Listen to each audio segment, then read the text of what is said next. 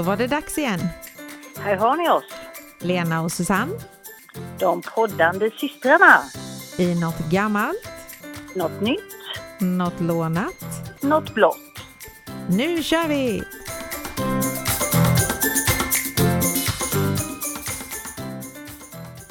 Hallå min kära syster. Hallå, hallå! Hur känns det? Du har varit Gävlebo en hel vecka nu. Ja du, det är fantastiskt vad tid det går. Ja, Nej, men det, det känns eh, väldigt bra, gör det. Det är lite omställning jobbet, även om jag jobbar inom samma företag så är det lite skillnad på lilla Gislaved mot ett stort köpcenter. Det kan jag ju ja det är klart. erkänna. Men Mm. eh, nej, men det, känns, det känns bra. Det, Ja, och du hade varit och kollat på bocken med så jag. ja då, det har jag också. Så Mm. det, mm. Och du har haft lite att göra eftersom vi blev försenade med podden denna veckan. Så. Ja. Mm. ja, det blev eh, det är lite mycket på jobbet just nu och sen fick jag ju lite extra jobb. eh.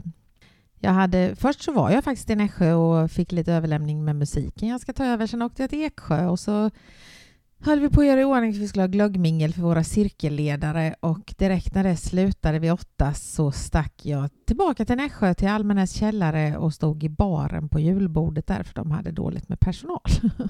Mhm.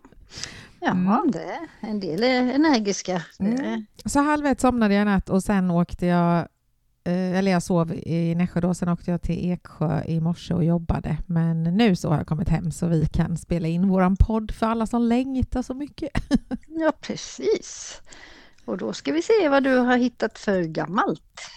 Jag ska prata om någonting som du tycker är jätteäckligt. Jaha, ormar då eller? Nej, blod. Det- uh, ja fy. Det är inte äckligt men ja, Otäckt. Mm. lä- lä- läskigt. Ja. Det, ja, det var, jag kom att tänka på det här för att jag är ju blodgivare. Så jag fick ett eh, mejl om att jag var välkommen den eh, 14 december för att lämna lite blod igen. Mm. Och då började jag fundera på hur länge de egentligen har hållit på med det här faktiskt. Mm. Och eh, jag har googlat och kollat men det är osäkert vem som fick den första blodtransfusionen. Kanske så var det påven Innocentius den åttonde som 1492 fick den första blodtransfusionen och då fick han blod av tre pojkar. Mhm. Tyvärr så överlevde varken påven eller pojkarna. Nej men oj, den du. Ja. Mm. Så det var inget bra faktiskt. Mm. Det var 1492 så det var ju gammalt. Mm. Men 1628 så började de experimentera lite mer med det här, eller ganska ordentligt. För då upptäckte nämligen en engelsk fysiker som heter William Harvey, Harvey, Harvey eh, blodcirkulationen, att det fanns en sådan i kroppen. Mm. Ja, det är klart, det är ju inte lätt att veta om ingen har kommit på det. Nej. Och eh, den första framgångsrika blodtransfusionen då, den utfördes av Dr. Richard Lover i Oxford 1665. Och det var mellan två hundar. Jaha, okej. Mm. För de skulle testa då. Sen hans försök där det ledde vidare till att man gjorde en eh, sån transfusion mellan djur och människa den 23 november Uh, 1667. Mm. Men fortfarande så var det så många patienter som dog så att eh, 1678 så förbjöds det. Och Mm. ingenting hände på 140 år. Det är ganska lång tid. Mm. Mm. Utan det var först i början av 1800-talet som man förstod att blod måste komma från en givare av samma art. Och eh, 1818 genomförde Dr. James Blundell den första lyckade transfusionen från människa till människa. Då måste de upptäcka att det fanns olika blodgrupper också, eller? Precis, det var det de gjorde där också, att de förstod att samma art och det måste vara liksom mer som stämmer än bara lämna blod. Så, Mm. så det är ändå ganska länge. Och eh, vet du hur mycket blod man ger när man är blodgivare varje gång? Hugaligen. Det vill du inte ens tänka det, på. Det är väl typ, det är säkert inte så mycket. Vi säger två och en halv deciliter kanske? 4,5 deciliter faktiskt. Fyra. Mm. Ja. För att Mm. kroppen består av 4 till 7 liter blod beroende på kroppsvikt och sådär då. 10 procent. Ja. Och eh, Ja. kvinnor får lämna 2 till 3 gånger om året och män 3 till 4 gånger om året. Usch, och jag som tycker det är läskigt bara man tar sån sänka med ett lit- litet rör. Usch, ja. Ja, sen är det Ja. ju lite krav. Jag kan tycka det är ganska bra för att det blir lite en hälsoundersökning samtidigt och de kollar ju vad man har i HB och sådär. Och, Mm. eh, mitt blodvärde ligger på 148 vilket är fantastiskt bra. Eh, och sen har jag blodgrupp 0 och det är ju också väldigt populärt eftersom att alla kan ha det. Men om jag själv behöver blod någon gång så måste jag ha 0. Ja, okej, det är så ja. Men jag kan lämna till alla andra. Mm.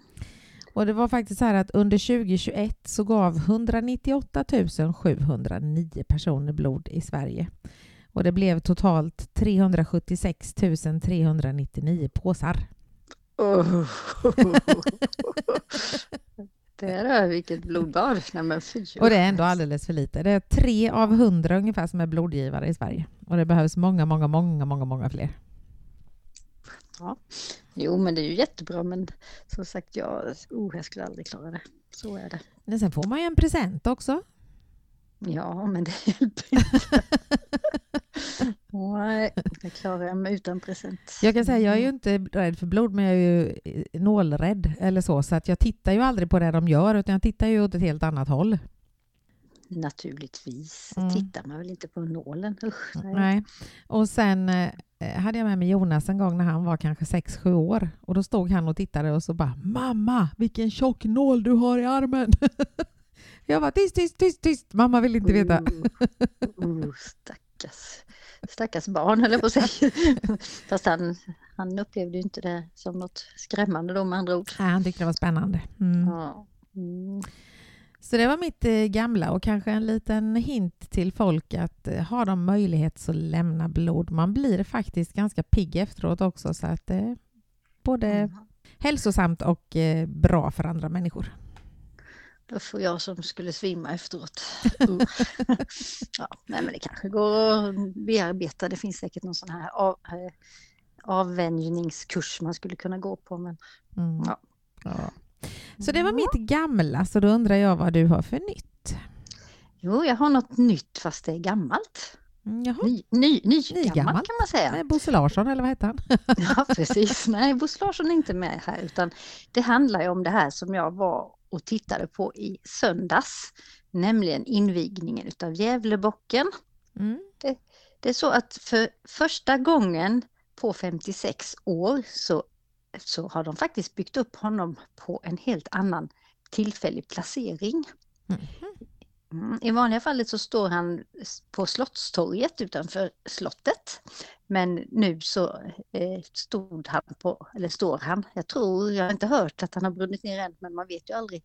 Det är ju spännande dag för dag här. Mm. Eh, nu står han på ett ställe som heter Rådhusplatsen, så det är mer inne i, mitt i centrum kan man säga. Jaha. Och detta beror på att de håller på att bygga ett nytt kulturhus precis bredvid det här Slottstorget. Och det är massa byggarbetare och baracker och grejer, så det var liksom inte riktigt passande plats för en julbock. Mm, nej. Och som sagt, så det, den här nya placeringen, det är det som är det nya. Men själva Gävlebocken, den är ju då alltså 56 år gammal. Och det började då 1966. Och det var då en idé som föddes bland eh, eh, handlarna, de som hade butiker där på Söder. Mm. Och då kom de fram till att de kanske skulle ha en enorm halmbock där. Och eh, så blev det i alla fall då. Men eh, på nyårsnatten så brann den upp. Och den här gärningsmannen som gjorde det åtalades för grov skadegörelse. Det var ju då 1966. Mm. Men sen har den ju då fått, fick den vara orörd i två år. Och sen hände det igen och igen och igen och igen. Så på de här 56 åren så har den faktiskt brunnit 30 gånger. Det är Den har- typ 50-50 då i alla fall, nästan. Ja, men vänta. Sju gånger har den blivit eh, skadad, Mhm. skadegörelse på den. Inte brunnit upp helt alltså. Mm. En gång, en gång kollapsade den, men det var av sig själv. Och eh, 16 gånger har den blivit, 16 år har den blivit skonad. Mm. Och ett år upp så blev den stulen. Oj, det lät ändå lite svårt för den är rätt Mm. stor. Ja, ja, jag förstår inte heller hur detta har gått till, men 1973 så var det en som tog hem bocken till sin bakgård. Och den är ju liksom 12-13 meter hög. Lite svårt att gömma den. Ja, så de kom väl på honom där, men det stod inte så mycket om den. Det stod bara att, att eh, det var någon som tog hem den. Eh, Sen hade vi en liten eh, rolig sak här också. Ska vi se här. eh, eh, 2010 så klarade den sig. Men då uppdagades det att det hade funnits planer att kidnappa bocken med en helikopter. Ja, men fy. Mm. Det är också lite spännande, tänker man, jaha, okej. Vem har råd med en helikopter och vart skulle man kidnappa en bock? Liksom? Tänk om man tittar ut och ser plötsligt så man en bock flygande i luften. Liksom. Det, eh, 1976 då var det en raggarbil som körde sönder bocken. Nej, men. Så ja, det har hänt lite roliga saker. Vi hade en eh, turist från USA. Dagen innan julafton 2001 så tände han på den för han hade fått för sig att det, det hörde till att man skulle tända på den där bocken. Det var tradition. Mm. Ja, det var tradition. Så det... Och ofta så var det runt jul och även vid nyår som den brann. Men eh, nu då när det var eh, sån här, vad heter det, in, eh, eh, 50-årsjubileum 2016, så då hade de en sån här extra invigning, 50-årsjubileum. Då brann bocken bara några timmar efter den hade blivit invigd. Mhm. Så då fick den inte stå länge. Nej. Vissa år, vissa år så har man byggt upp bocken igen. Och ofta så har den klarat sig då. Mm. Så de har haft eh, mycket, mycket besvär med den här bocken. Men eh, sen så har de ju försökt med impregnerat så att det inte ska ta eld så, Jaha. mycket, så lätt. De har eh, stängsel runt, nu, de har kamera. Du kan titta på bocken från, via på nätet Jaha. på de här kamerorna. Och de har vakter som står där. Så det är mycket grejer. Och eh, eh, 97 så brände de faktiskt ner bocken under kontrollerade former i slutet av, av året där vid, eller om det var i början av året. Men det var väl dumt att visa dem ju också att det kan bli en tradition. Ja, Mm. Det var det de kom fram till sen att eh, Mm. den hade blivit beskjuten med lite raketer tidigare så den var lite svedd och sen brände de ner den. Men det var som du sa där, de kom väl på att det var ju kanske inte så bra. Nej. Och, eh, sen, sen 1988 så finns det vadslagning om vilket datum den ska brinna. Och ända, ända till i England har de vadslagning om detta. Jösses. Så det är lite komiskt. Mm. Så det, ja, nej, sen, som sagt, den har klarat sig 16 gånger Mm. Den är ju 56 år. med i filmen eh, Black Jack och där eldar de ju också upp den. Ja, och då, den, eh, då byggde de upp den enbart för filmen. Jaha. Så det var mm. inte den riktiga. Så Nej. sen är det ju så att, eh, eh, eh, vad heter det, det- finns ju en lite mindre bock också, fast den är ganska så stor också. Det är ju någon skola som bygger upp den. Men Mm. nu vet jag inte, i år såg jag ingen mindre, men den kanske står kvar på vanliga platser. Mm. Ja. Nej, så det finns lite historia om den här bocken som sagt. Mm. Nästan Jo, jämngamla är ni också då. Ja, den är bara ett år yngre än mig. Mm. Och eh, har, den har varit med i Guinness rekordbok också. Eh, 85 var den med i Guinness rekordbok som största, högsta Största bocken. bocken. Ja, största bocken. Största bocken Och, i Gävle. Och den har, har, det har pendlat lite från eh, 12-13 meter. Nu eh, ska den väl vara 13 meter hög och den är ganska hög. Mhm. Så den är... Och jag har ett foto, vi kan väl lägga ut det sen på mig kanske där med jämte den stora Gävlebocken bakom mig. Mm. Den nya, alldeles nya. Jajamän, den var ganska färsk där. Mm. Jag var, aldrig, jag var aldrig nere och tittade när de höll på att bygga den men det är ju stommar som de sätter ihop och så här. Så det, det är nog ett litet företag i sig att Ja. få ihop. Mm. Men den är känd över stora delar av Europa i alla fall då. I alla fall Jaha. England vet de ju vad det är. Så Mm. det, mm. Jo då, ska vi se om du har hittat något lånat idag? Mm. Det är, det är lånat och lite nytt eller lite gammalt. Är lite allt möjligt, vet som det brukar vara. Ja, Men det är lånat i alla mix. fall. Mm. Det var nämligen så här att i november 2020 så kom en stor bolid in i atmosfären och lyste upp himlen. Bolid, vad är det? En meteorit. Meteorit, okej. Mm. Och den slog då ner på en greves ägor utanför Enköping. Mhm. 14 kilo vägde den. Tänk att få den i huvudet. Ja. Ja, det gör ont. Jaha, det jag tror inte man skulle märka det. Jag tror man bli ganska knock, knockad direkt Mm. där liksom. Mm.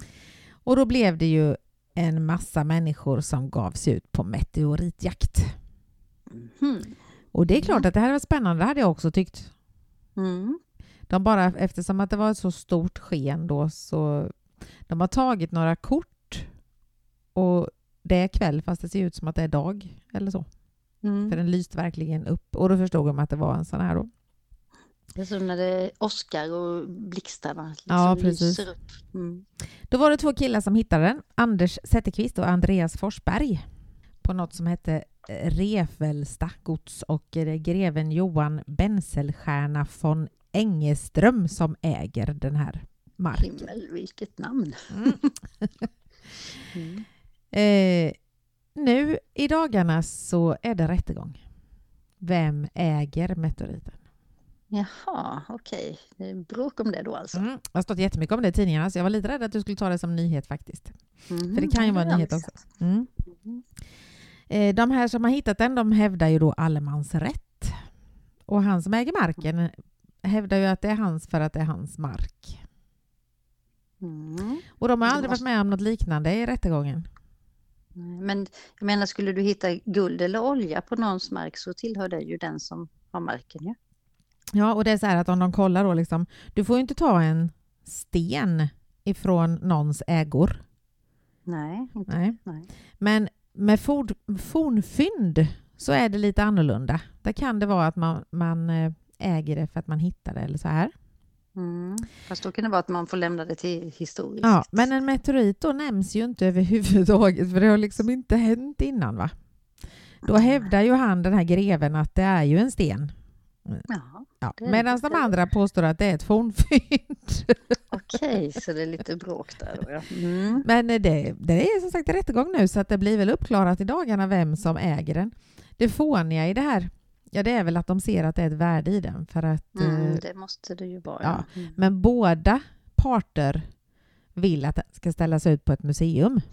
Så att folk kan Mhm. titta på den liksom och att eh, den ska vara till allmän beskådning. Men samtidigt så var den väl värderad till några miljoner. Ja, då vill de ha betalt naturligtvis. Mm. Ja, eller åtminstone äga den så att de någon gång kanske, jag vet inte hur de tänker.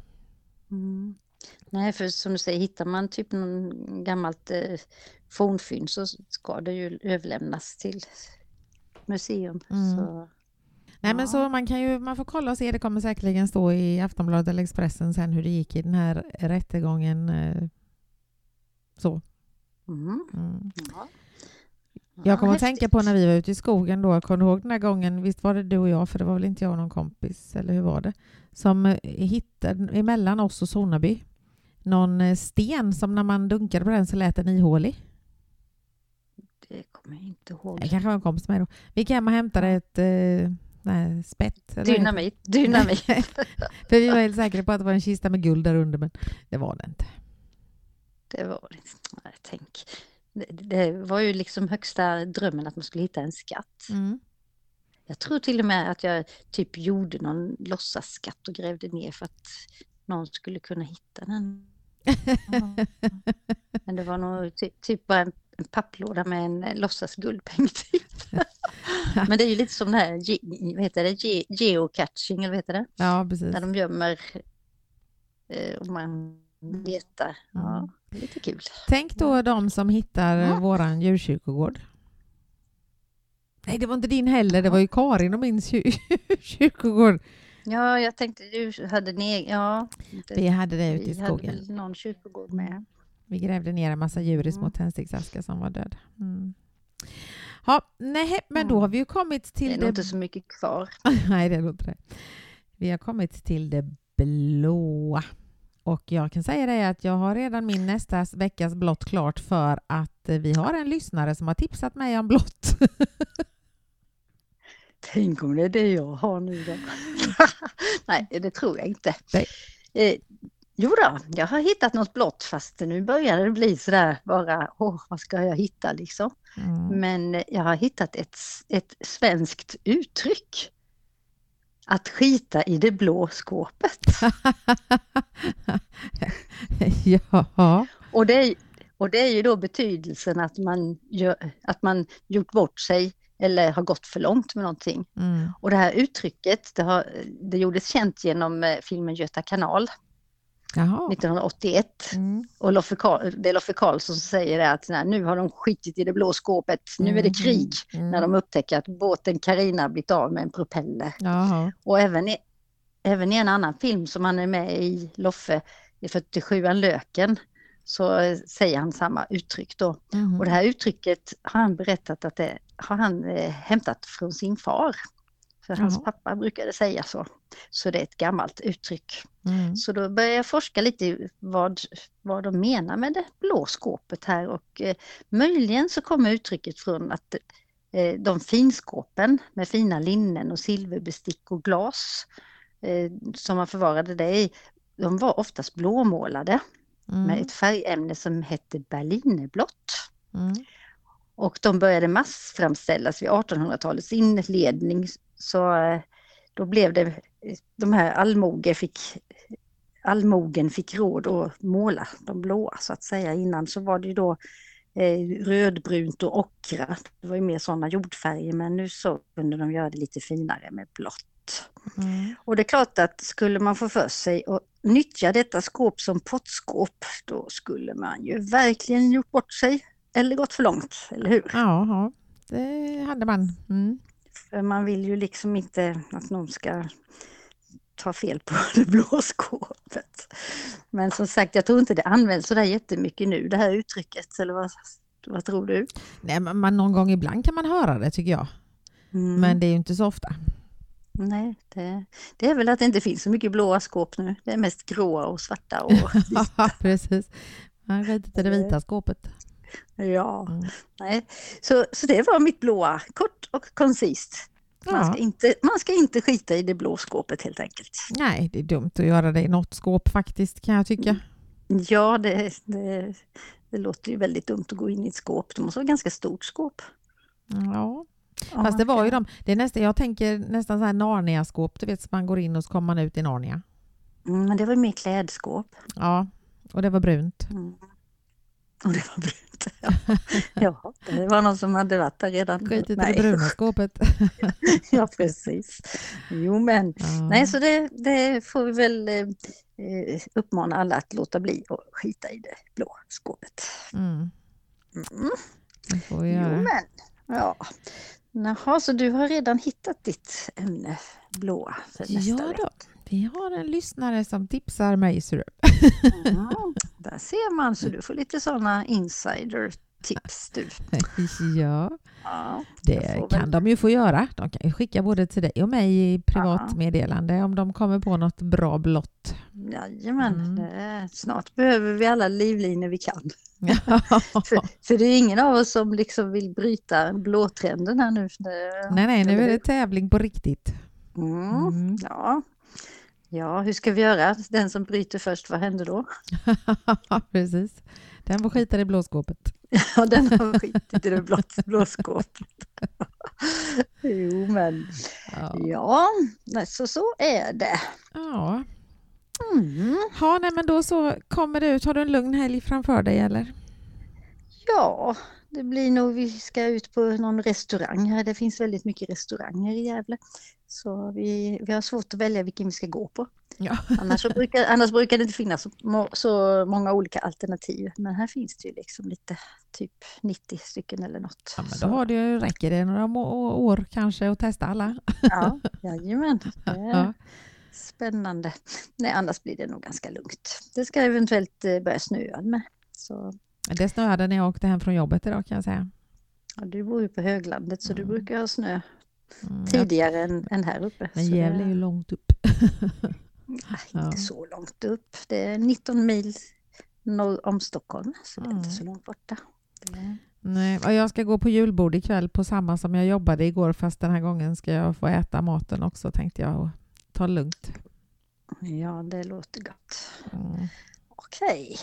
Jo, men, men eh, nästa vecka ska vi försöka att få ut podden på rätt dag, eller vad säger du? Ja, vi får börja planera, eller jag får börja planera lite bättre i mitt hektiska liv tror jag.